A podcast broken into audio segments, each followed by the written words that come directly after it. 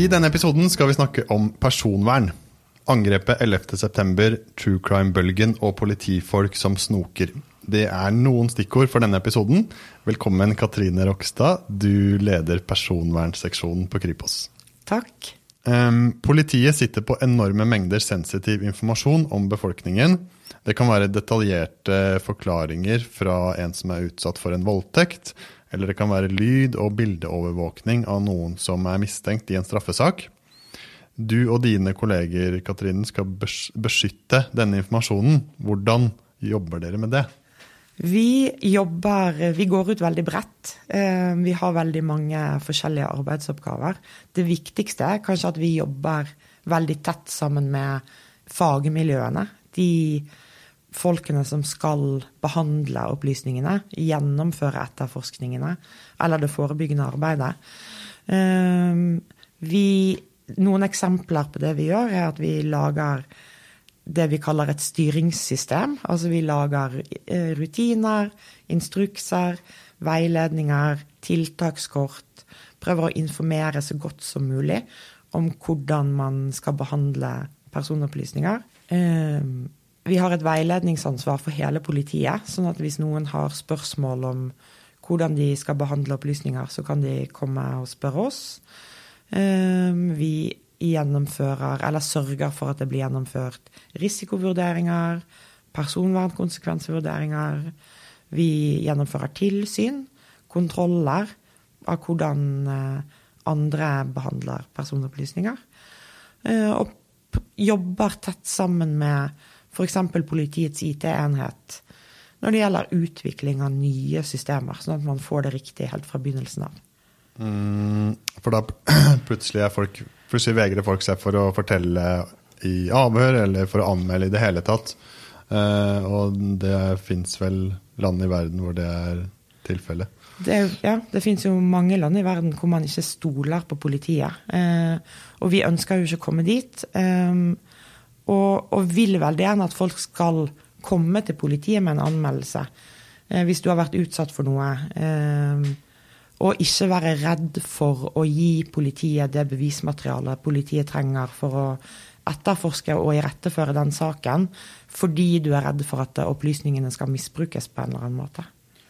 Um, det er veldig mye i verden som er annerledes uh, etter 11.9. og angrepet, terrorangrepet den gangen i 2001. Men sånn for personvernet sin del, hva, hva slags veiskille var den dagen?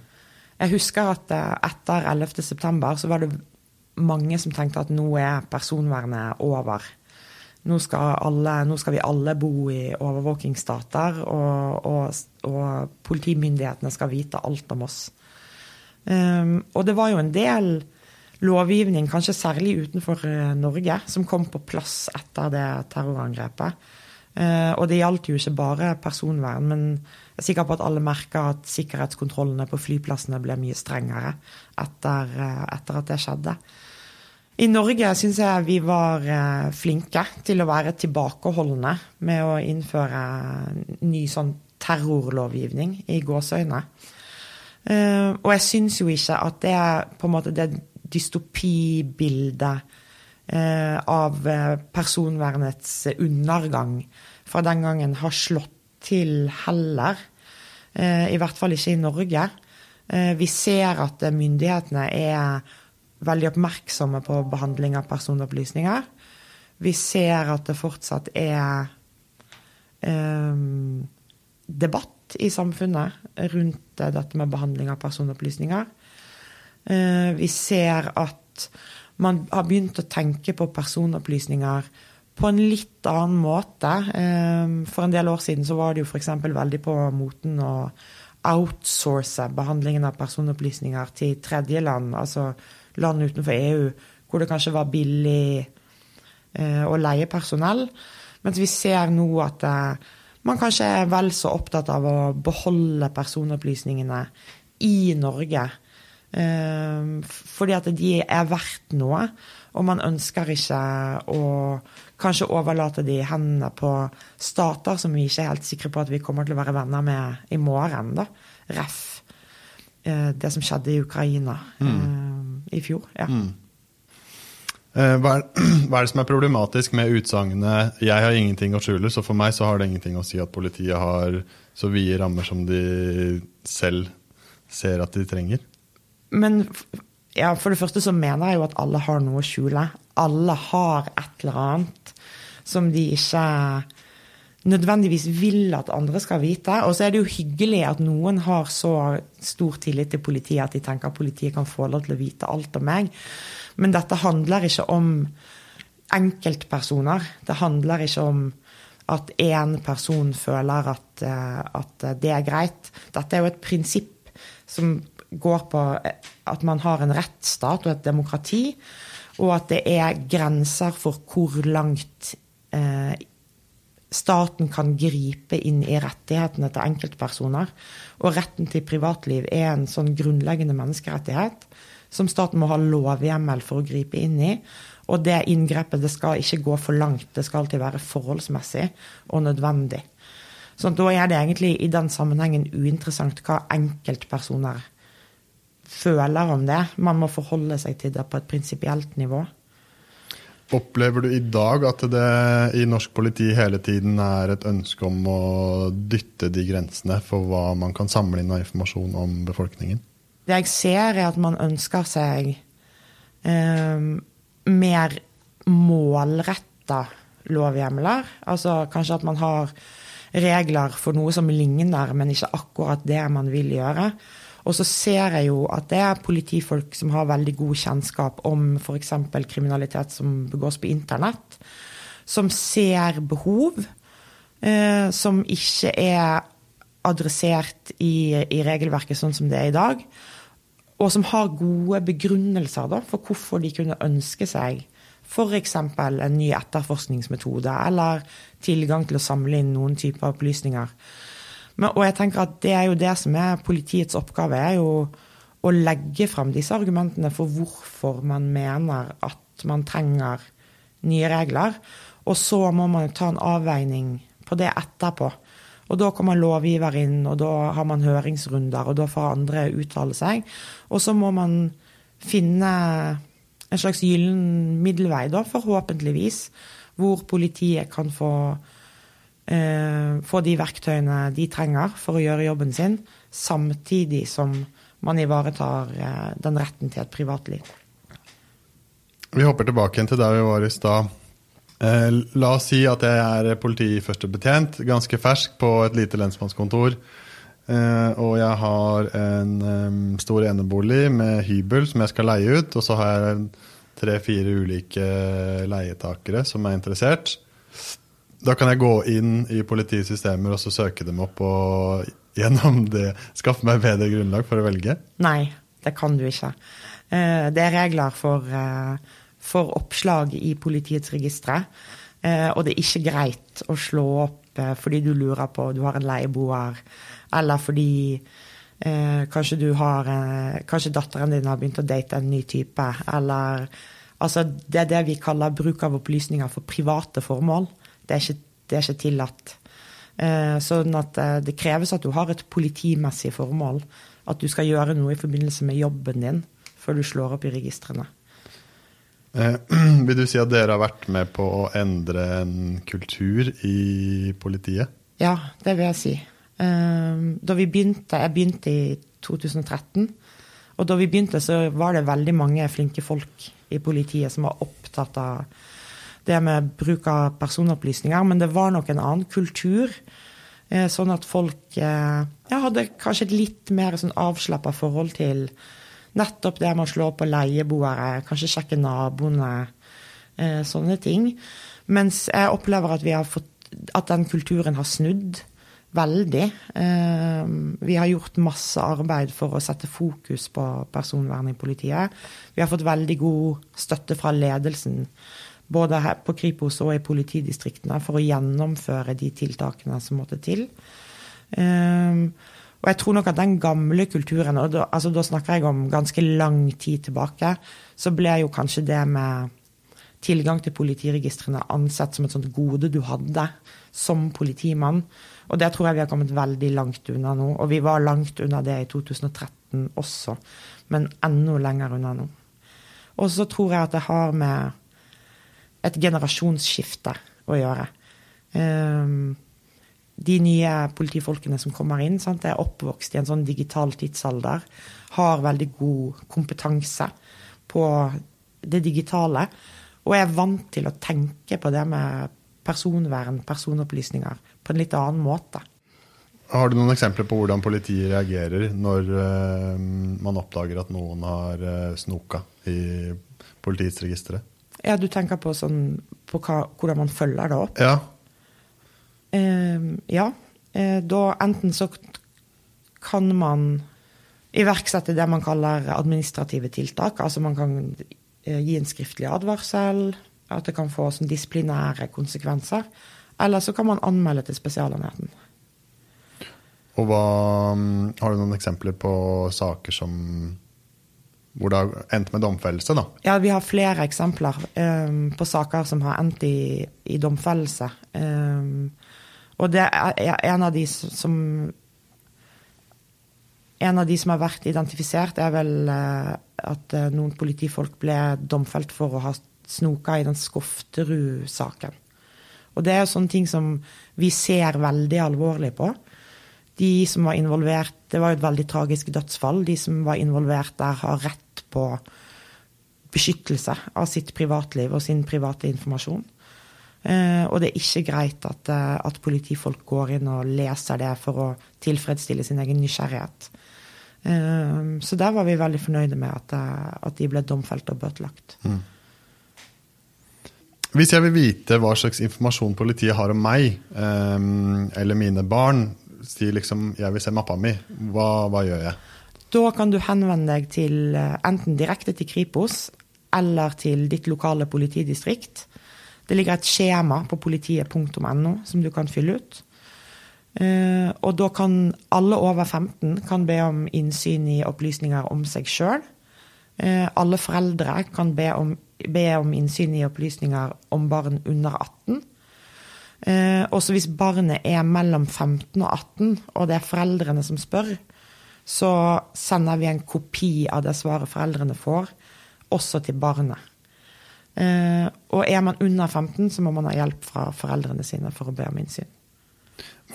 Hvordan har utviklingen vært eh, si de siste ti årene, da, siden du begynte på Kripos, eh, når det gjelder hvor mange som ønsker å vite hva slags informasjon politiet har om dem? Eh, det øker, og det øker hvert år. Vi ser at det er en økende interesse for å få vite det. Eh, og det er jo en rettighet folk har, å kunne be om innsyn. Så jeg tror det økte med nesten 25% fra 2021 til 2022. Ja. ja. Så det er en ganske kraftig økning. Hva, hvor er det det sier stopp, da? På, du mener på vurderinga Ja, på hva Altså, vi gir deg dette, men du får ikke se det som er bak her. Eh, det er jo noen ting man har ubetinga rett til innsyn i. Altså man skal få innsyn. Eh, det er reaksjonsregisteret, som er eh, et register som viser alle de gangene man er domfelt. Der har man ubetinga rett til innsyn, men det er muntlig. Så da må man møte opp på politistasjonen, og så leser de det opp for deg. Mm. Så får man alltid se foto. Man får alltid fingeravtrykk. Man får alltid vite om man er registrert i DNA-registeret. Eh, og hvis man har vært inne til en bekymringssamtale, altså hvis man er under 15 og vært eh, inne hos politiet for en bekymringssamtale sammen med foreldrene sine, så har man rett til å få innsyn i det referatet. Eh, og så har man også rett til å få innsyn i det som kalles Saknettregisteret, som er et register vi fører over personer som er antatt døde. Eh, og utover det så er det en vurdering av hvilke opplysninger vi kan gi. Og da er det som regel hensynet til kriminalitetsbekjempelsen som setter en grense for eh, hvilke opplysninger du får om deg sjøl. Mm. Eh, hvis politiet f.eks. følger litt ekstra med på hva du driver med, men ikke vil at du skal vite det, så vil du ikke få innsyn i opplysninger om det. Nei. Ja. Skjønner. Hva tror, hva tror, du er motivasjonen til folk for å, for å søke? Jeg tror det kan være mye forskjellig. Jeg tror det kan være noen kanskje bare er nysgjerrige, lurer på hva som ligger der. Andre trenger kanskje en oversikt over eh, straffesaker fordi de skal søke sikkerhetsklarering. Andre ting som krever på en måte noe som har noe med vandel å gjøre. Eh, og noen gjør det nok fordi de kanskje ikke stoler helt på politiet og ønsker å, ønsker å få vite om de er registrert. Mm. Mm. De siste ti åra har det blitt laga veldig mye underholdning av straffesaker.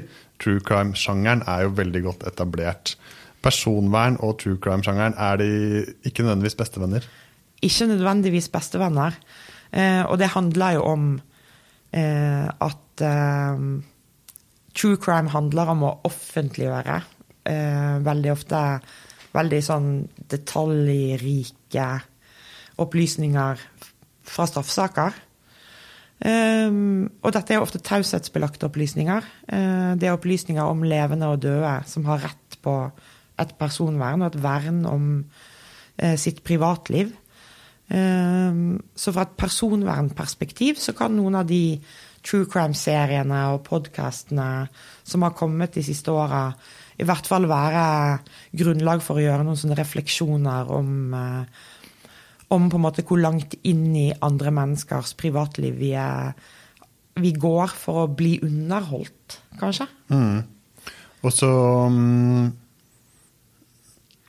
det, det, har jo en annen side med på en måte journalistisk uh, arbeid, hvor um, man har sett flere saker som har blitt tatt opp igjen og sett på, uh, på nytt av uh, journalister, og så har de fått en, en ny vending, da. Og um, så vi skal jo ikke skjære hele true crime-sjangeren under én kam her. Men um, jeg vet at du så på en høyesterettsdom fra 50-tallet. Kan ikke du fortelle om den? Jeg kan si noe om den. Eh, det er den første høyesterettsdommen vi har i Norge som går på personvern. Eh, eller den gangen så kalte de, de kalte det eh, personlighetens rettsvern. Og det gjaldt en true crime-sak. I 1926 så var det to eh, lensmannsbetjenter som ble myrdet. Og så var det, en, det var to menn som ble, ble domfelt. Um, og han ene han eh, sona straffen sin, gjorde opp for seg, kom ut. Gifta seg, fikk barn, hadde jobb. Og så fant uh, Tankred Ibsen ut at han ville lage en spillefilm. Uh, delvis basert på disse, disse lensmannsmordene, da, som den saken ble kalt. Eh, og den filmen var basert på en bok som hadde kommet noen år tidligere. Og da gikk han, eh, han som hadde sona og, og, gjort opp for seg og laget seg et nytt liv, han gikk til sak. Eh, fordi han mente at, at hvis den filmen ble offentliggjort, så ville alle skjønne at han var en av de som var domfelt for det drapet. Og det mente han gikk for langt. altså Det ville ødelegge hans muligheter til å skape seg et nytt liv. Eh, og det fikk han Høyesterett med seg på. Og det var eh, litt sånn revolusjonerende i norsk rett. For det, det var vel anerkjent i teorien at man hadde det man kalte da et slags personlighetens rettsvern. Men det var aldri prøvd i retten hvor langt det vernet gikk. Og det var jo heller ikke lovregulert. Sånn at når, de, når han fikk medhold i Høyesterett i den saken, så var det en, eh, en nyskapning. Så det, det er liksom interessant å tenke på at også den gangen så var true crime kunne være litt sånn kontroversielt. da. Mm. Og du sa også at um, sånn som i dag, så, så, går det jo ikke nødvendigvis så lang tid fra straffesaken er avgjort til det kommer en, en eh, dokumentar om det. Eller straffesaken kan jo fortsatt være pågående. Eh, men hvordan ble det vurdert den gangen? Nei, jeg så at uh, i en uttalelse innhentet fra Riksadvokaten i forkant av at den saken skulle gå i byretten, så uttalte Riksadvokaten uh, at han mente at det var kriminalpolitisk uheldig og lite smakelig at man skulle lage film av, av den forbrytelsen så kort tid etter. Eh, og på det tidspunktet så var det altså 23 år siden forbrytelsene ble begått. Mens nå ser vi jo ja, vi ser jo at Netflix lager uh, serier av saker som, hvor etterforskningen ikke er avslutta. Uh, vi ser at, at det kommer radioprogrammer og podkaster veldig kort tid etter at, at en hendelse har, har skjedd. Sånn at det, det, har nok blitt en vi ser annerledes på, på, det med tid nå enn det vi gjorde på slutten av 40-tallet og begynnelsen av 50-tallet. Mm. Um, veldig interessant. Og så um, helt til slutt um, Jeg hadde en samtale med en um, ei som er etterforsker på brann- og kjemiseksjonen her som var veldig opptatt av brann. Altså, hun hadde 16 brannvarsler i huset sitt ja. fordi hun har sett så mye branner. Ja. Sånn, hvordan er det for din del, som er på en måte elever av, av, personvern? Hvordan tar du med det inn i eget liv? Nei, jeg, jeg er ganske rolig på det. Men ja. det er en, en, egentlig en slags kombinasjon av at jeg, jeg er blitt litt for sånn dystopisk innstilt. I hvert fall når det gjelder de store kommersielle selskapene eh, som lever av å samle inn personopplysninger. Mm. Eh, og så er det også fordi det kan godt hende at jeg overvurderer min egen evne til å vurdere hvor store personvernkonsekvensene er.